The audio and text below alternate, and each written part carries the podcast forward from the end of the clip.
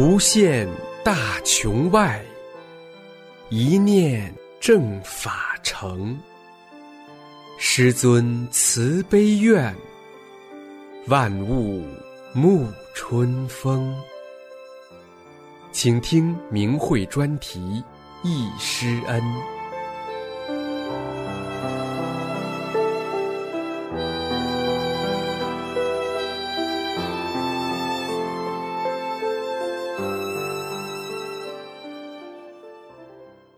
请听明慧忆师恩专题文章，题目是《回忆聆听师尊讲法时的喜悦》，作者江西九江大法弟子小平。文章发表于明慧网，二零一二年九月七日。我是最幸运的，我赶上了师傅九四年在广州第五期讲法班，也是师傅在国内最后一次传法。那年我三十岁，正在人海中拼搏，身心极度疲惫。九四年十二月份，丈夫同修邀我一起去广州听法。我们来到广州体育馆门前，看到一大片来自全国各地的学员提着行李包，有的夹一箱方便面充饥。当时觉得这些人有点可笑，因为在现实生活中，人们出远门都是为了挣大钱，而这些人为了学气功，辛辛苦苦出门在外。广州体育馆五千多人，座无虚席。我们地区带队的同修只买到站票。听课的第一天，我和本地区的几个学员是插队挤进去抢在第一排的。当时像我们这样往里面挤的人还不少。听完一堂课，人心就改变了。第二天再没人挤了，都静静的排着队进场了。师尊进场时，在里面走一圈，笑眯眯的，很亲切的看着每一位学员。学员们都争着与师尊握手。我坐在第一排，有一次师尊从我前面走过，我看着师尊迈着大步，却不敢仰望师尊。师尊端坐在讲台上，头上一圈金色的光环，一闪一闪的。师尊讲的法时时打入我的心里，我常常流泪。有时听着听着就睡着了，可是耳朵一直都能听到师尊讲法的声音，就像师尊讲的。有的个别人还会睡觉的，我讲完了，他也睡醒了。为什么呢？因为他脑袋里边有病，得给他调整。脑袋要调整起来，他根本受不了，所以必须得让他进入麻醉状态。他不知道，但有的人听觉部分没问题，他睡得很香，可是却一个字没落，都听进去了，人从此精神起来了。两天不睡觉也不困，选自《转法轮》。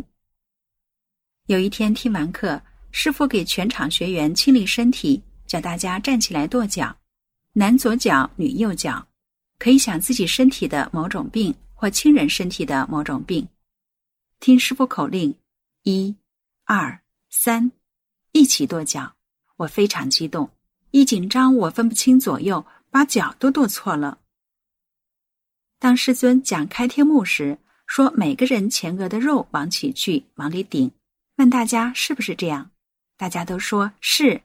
我急着说：“我怎么没有啊？”回家后一天早晨，我练完功，闭目靠在床头，突然眼前一亮，看到一座小山，是一块一块瓦灰色的石片垒起来的，石片像水冲洗了一般干净，天空出奇的清澈。我突然意识到。是天幕开了吧，心里一阵惊喜，瞬间眼前景象就没有了。我心里甜滋滋的，知道是师尊在告诉我，前额没感觉，天幕也给我打开了。办班期间，经常有学员捡到手表、金项链等物品交给师傅，师傅却在讲台上宣布，然后叫施主来领东西。我亲眼看到学员领回自己丢失的东西，心里很感慨。觉得这里真好，完全明白师傅讲的。我们法轮大法这一块地方，我敢说它是净土。选自《法轮大法译解》，在北京法轮大法辅导员会议上的建议。上第九堂课时，师尊说道：“最远是黑龙江、新疆的四五千公里，八千多里地赶来的，路途很远，大家吃了很多苦。”甚至有些人费用不足，每天吃着方便面、啃着饼干的都有。选自《转法轮法解》，在广州讲法答疑。我当时就流泪了，因为我当时已经明白了，这个大法比世间任何东西都珍贵，是用多少钱都买不到的。九堂课结束那天，各地学员纷纷上台给师傅献上锦旗，师傅笑眯眯的与献锦旗的学员一一握手，那场面很感人。九江地区也把事先准备好的锦旗让两名女学员献给师傅。那两名学员跟师傅握手后，心里非常激动。半班结束了，我们走出体育馆大门，我的大脑像清洗了一遍，思想中没有一点杂念。我和丈夫同修走在广州天桥密密的人群中，一男子从我身边走过去，掉下一捆钱，我看到那捆钱却无动于衷。师尊讲，我觉得能够直接听到我传功讲法的人，我说真是。将来你会知道，你会觉得这段时间是非常可喜的。选自《转法轮》，确实是这样的。每次回想那段时光，心中的喜悦无以言表。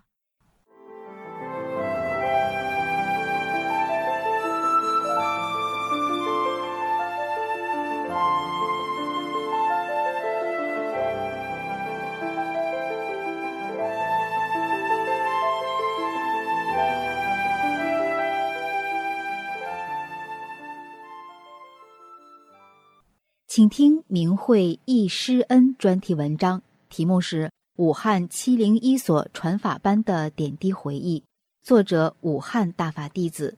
文章发表于明慧网，二零一二年七月十一日。一九九三年三月十四日，我幸运地参加了师傅在武汉七零一所举办的传功讲法班。十九年过去了，但岁月抹不去这永恒的记忆。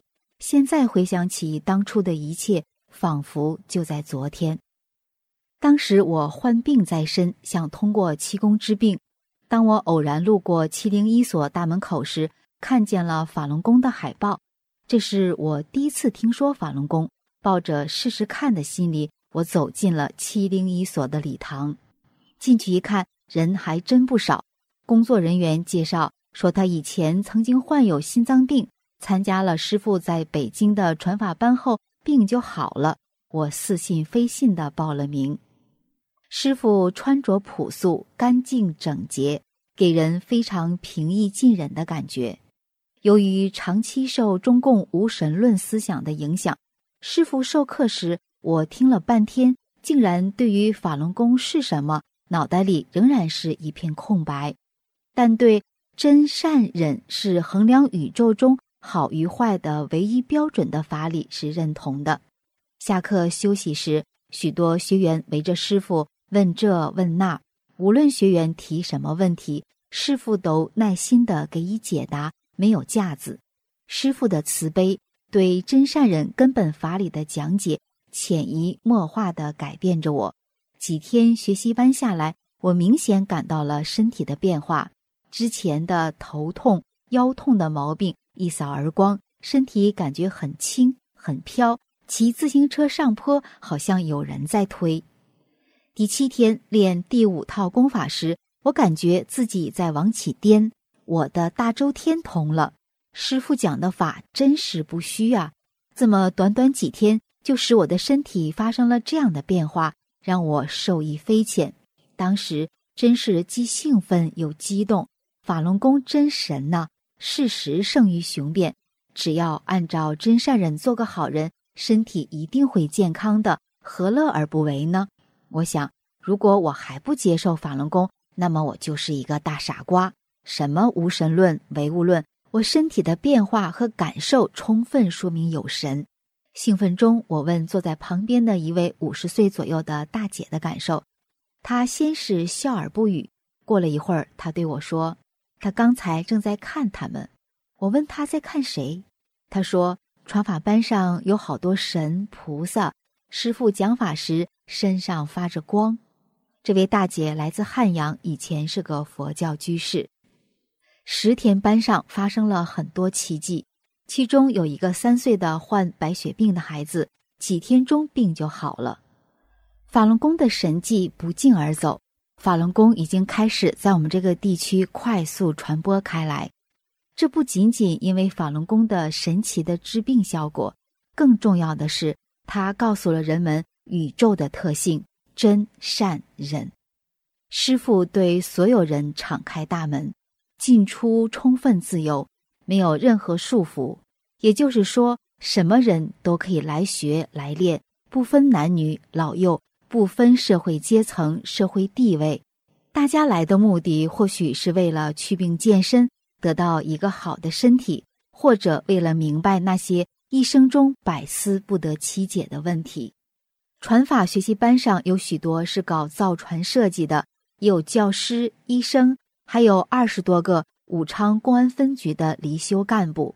他们不同程度患有肺气肿和心血管、支气管方面的疾病。这些公安干部紧接着又参加了师傅在汉口市委礼堂。及青少年宫举办的传法班，问他们为什么连连赶场，他们回答说：听了李大师的法特别舒服，比吃药打针还见效。一九九九年，中共迫害法轮功以来，武昌公安分局追随江泽民迫害法轮功，对法轮功修炼弟子犯下了许多严重罪恶。当年参加过师傅讲法班，从中受了益的武昌公安分局的学员们。你们在法轮功师傅被邪恶诽谤、大法学员遭受迫害的时候，你们做了些什么呢？法轮大法是佛法，人世的沧桑、宇宙的万古安排，都是为了今天大法的红传。作为大法弟子，让我们在这最后的时刻更加珍惜这机缘，抓紧时间救度众生，把大法的真实、生命的真正本愿告诉众生。实现我们史前的伟大誓约吧。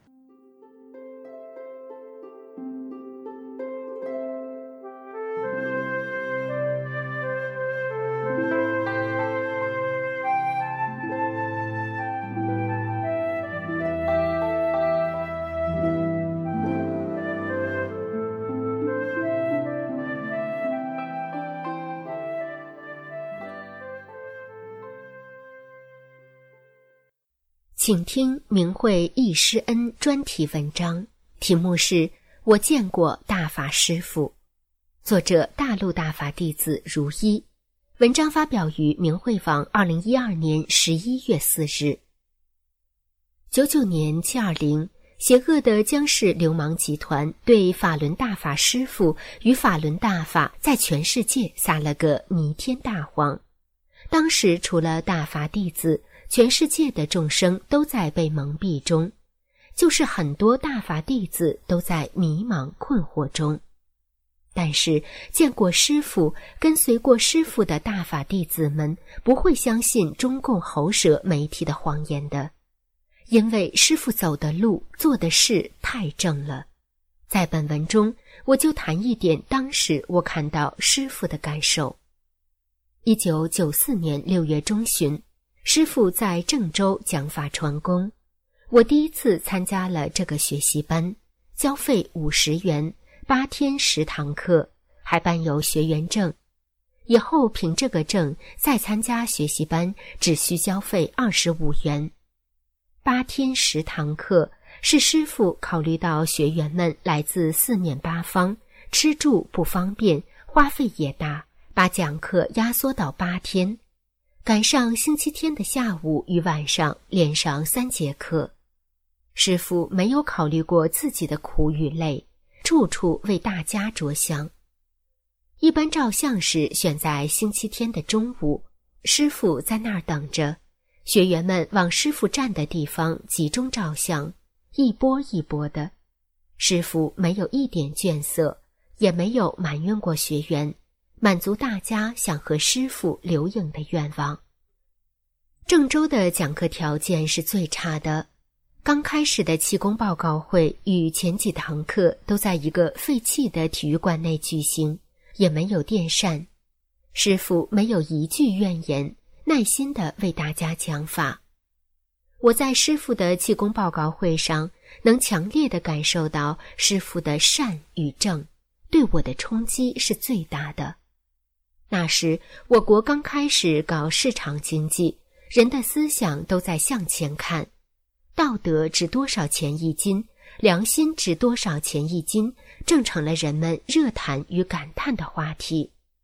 师傅的讲法要求放淡名利情，不断的按照真善忍的要求做好人，甚至做更高境界的好人。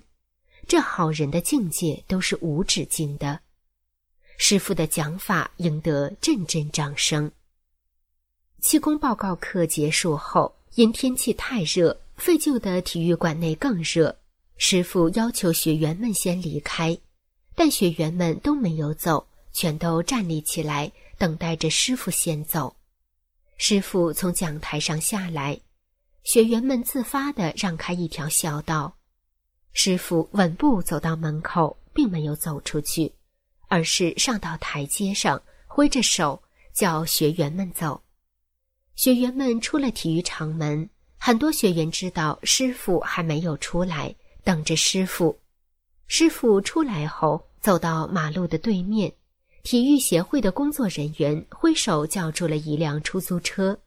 师傅坐在副驾驶的位置上，司机看看学员，看看师傅，可能很惊讶。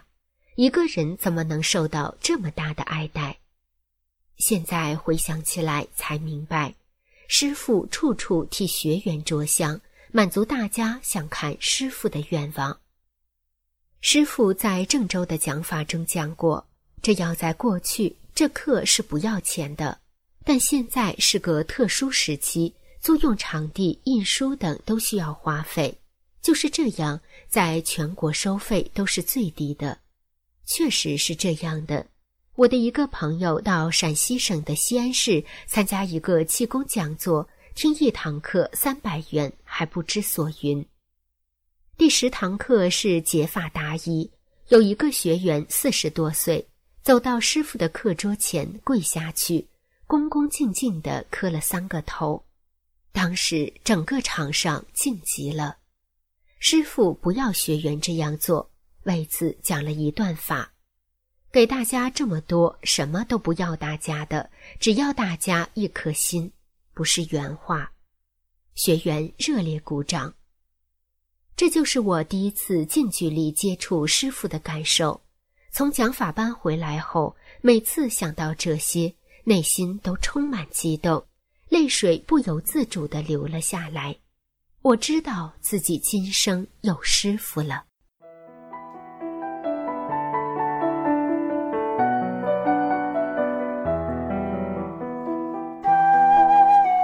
您现在收听的是明慧专题《易师恩》。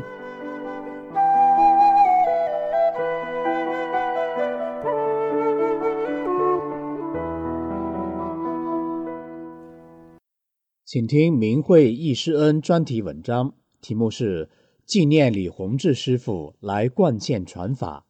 文章发表于明慧网，二零一二年五月十九日。作者冠县大法弟子，师父两次来山东省冠县传授法轮大法，不但挥手之间治好了我母亲及众多常人的病，也给了我母亲和众生新生。一直以来，我就有一个愿望，要把师父为我母亲治病的神迹写出来，以享众生。但因为自己的水平有限，所以迟迟没有动笔。现在我鼓起勇气。写下这一篇忆师恩文章，代表我母亲及全家人表达对师父的无比敬仰和感激之情，也代表冠县全体大法弟子向师父致以最最崇高的敬意和感激，感谢师父的慈悲救度。师父在一九九二年十一月、一九九三年五月两次来到冠县，第三次是一九九六年冬。师傅从邯郸去济南，途经冠县。师傅把宇宙的根本大法洒满冠县大地，在沐浴佛恩、修炼和广传大法的日子里，有多少天南地北的大法弟子来到这里交流切磋？又有多少神迹在这里发生？实在难以统计。仅以我母亲的病为例说起，足见法轮大法的无比伟大和师父的无量慈悲。我母亲现已届耄耋之年，大约从三十来岁就患上了乙肝和牛皮癣。俗话说：“外科不治癣，内科不治喘。肝乃五脏之贼，百病皆由肝作祟。”那意思就是这病不好看。经过多方多年求医治疗，冠县、聊城、济南等大医院也都看了，中药西药吃了不老少，效果甚微。再后来，病情越来越重。到了一九九三年春天，我母亲饭吃不下，觉睡不稳，腹水渐多，已到了肝硬化腹水的中后期。再往下发展，大家可以想象会是什么结果。他老人家把我叫到跟前，含着泪说：“孩子，我怕是不行了，给我想想办法吧。”当时我心中非常难过和着急。多日来，我看到他那鼓起的腹部，心如锥扎一样痛。因为我咨询的那些所谓的专家都说没有好办法，只有换肝。换了肝就能长期生存吗？答案也是否定的。一家人如坠深渊，我食无味，睡难眠，时刻被痛苦煎熬着。此时也听说过师傅法力无边。挥手之间就治好了冠县交通局职工张秀英多年的顽症，我为什么不找师傅给我母亲看看呢？我急忙把这个消息告诉了母亲。母亲听说后虽然半信半疑，但是她表示愿意让师傅给她治病。可是师傅全国到处走，上哪儿去找他呢？正当犯难之时，听说师傅已来临清传授法轮大法。准备抽时间要来冠县看看，我把这个消息告诉了母亲，母亲很高兴，时刻盼着师傅的到来。其实师傅在冠县传授法轮大法已有半年时间了，可能是机缘未到，我母亲还未接触。一九九三年五月十二日上午，师傅趁在临清办班之际，抽时间到冠县来看看弟子。我把这个好消息告诉了母亲。母亲高兴地做好了随时去见师傅的准备。大约上午九点之后，师傅第二次莅临冠县大地，祥瑞沐浴着整座县城。师傅先到了某弟子家，因为要见师傅的人太多了，哪一个学员家里也容纳不下。师傅慈悲决定，下午到第一次办班讲法传功的冠县酒厂会议室，再给冠县弟子讲一次法。大约十一点前后，冠县众弟子簇拥着师傅，再一次来到冠州宾馆。冠县原副县长齐玉芬和县气功协会王会长陪师傅共进午餐。这天中午时分，天降甘霖，众弟子再次沐浴在无边的佛法之中，享受师尊的慈悲和师恩的浩荡。众弟子早早来到冠县酒厂会议室，等候欢迎师傅的到来。其中就有时任中共冠县县委副书记石永朝和一些科局的领导。因刚下过雨，有一部分路远的大法弟子未能及时赶到。师傅走到会议室东南角前排坐下来，一边等一边转过身和学员亲切交谈，回答大家的提问。我母亲就坐在离师傅不远的地方。师傅健步走上讲台。全场爆发雷鸣般的掌声。师傅示意大家安静下来了。师傅以一句“咱们又见面了”开始这场代工报告会。接下来，师傅说：“大意是，我这一次看到大家这个情况啊，已经是截然不同了。完全按照心性要求去做的，每个人呐都是红光满面的。”师傅肯定了大家这半年的修炼成果。接下来，师傅先介绍了应邀参加1992年底国家举办的“九二东方健康博览会”上的情况。大会第一天上午，就为一名妇女摘除了一个直径约二十公分的肿瘤——子宫肌瘤，像足球那么大，肚子一下就瘪下去了，裤子都系不上腰带了。一家人很激动，到大会办公室反映情况。大会办公室广播表扬法轮功。下午就来了一个癌症、肺癌当场治好。患者第二天到医院检查，带着化验单就来了。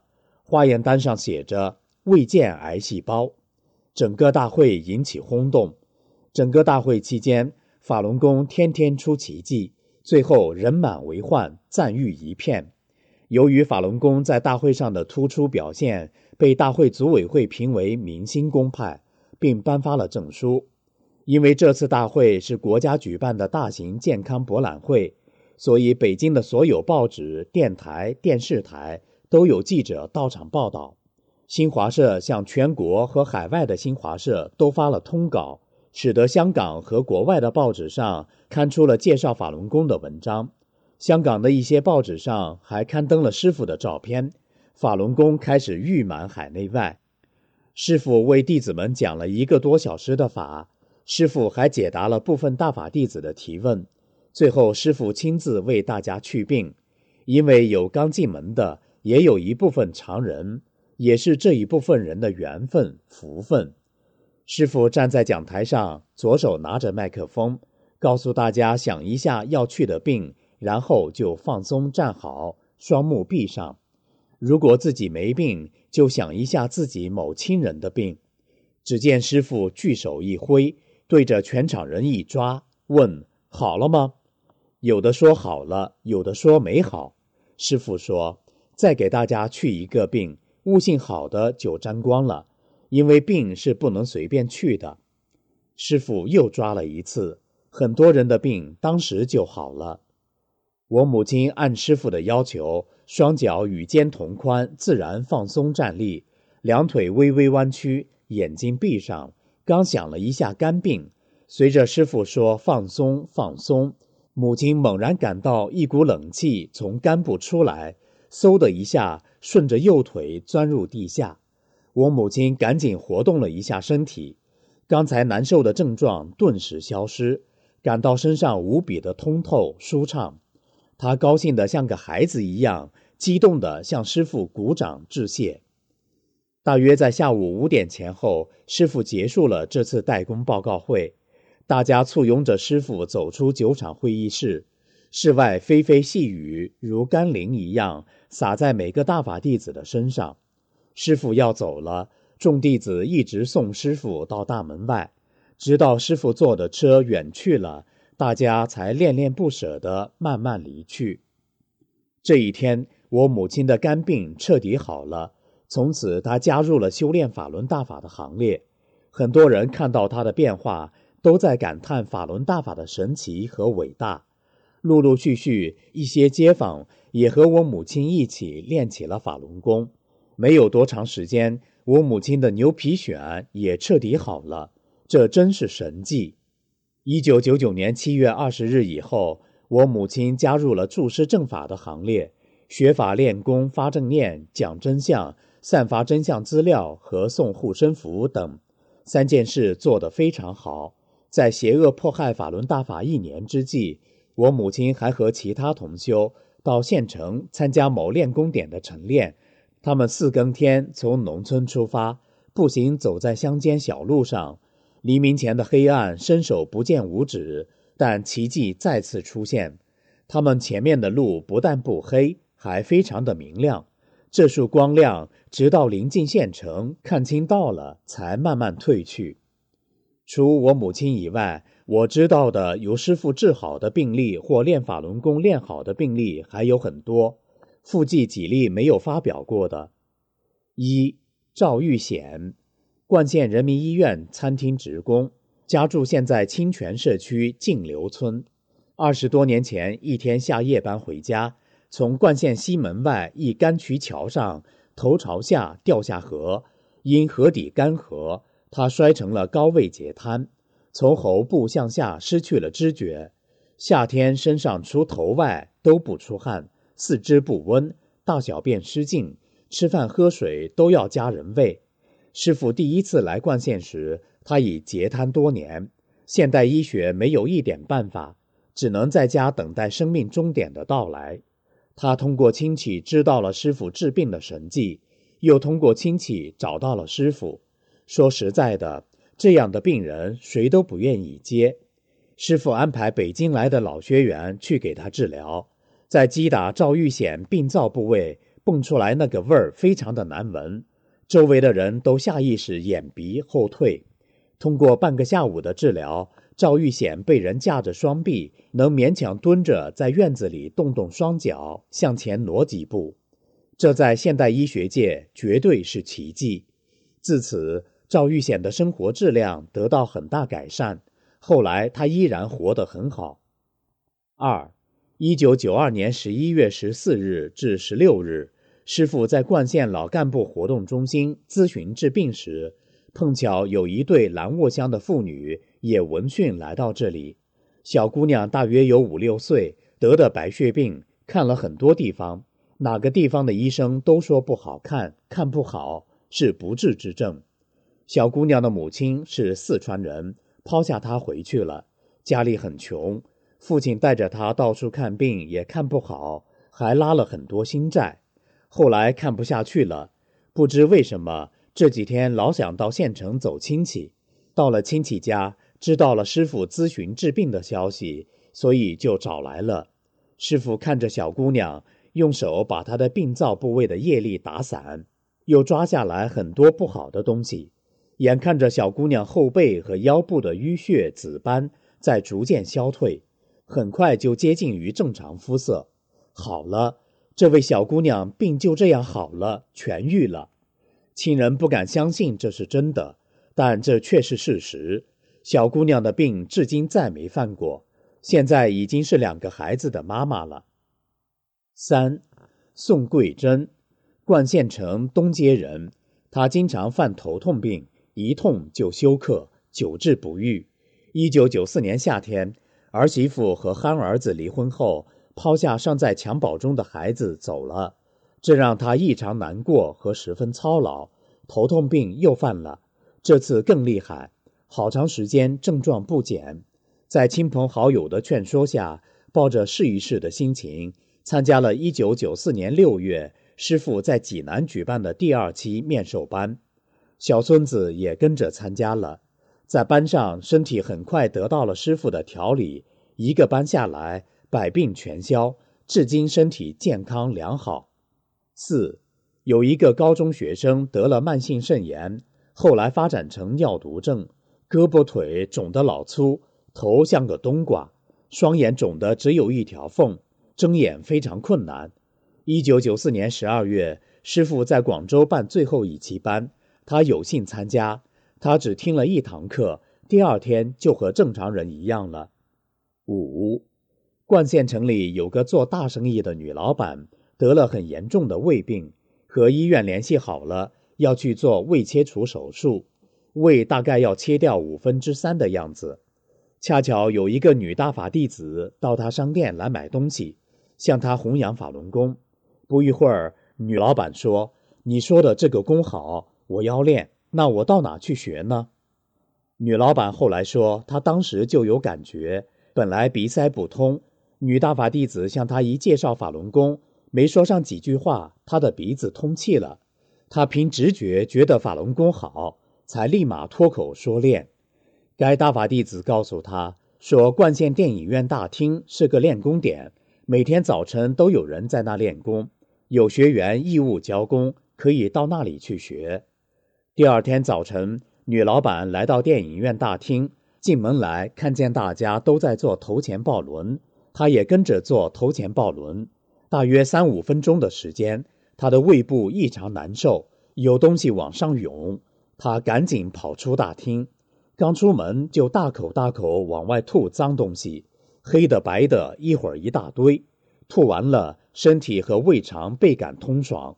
从此，他走上修炼之路，直到今天，身体一直很好。还有好多好多这样的例子，限于篇幅，不再赘述。冠县全体大法弟子翘首仰盼师傅第四次回老家冠县看看。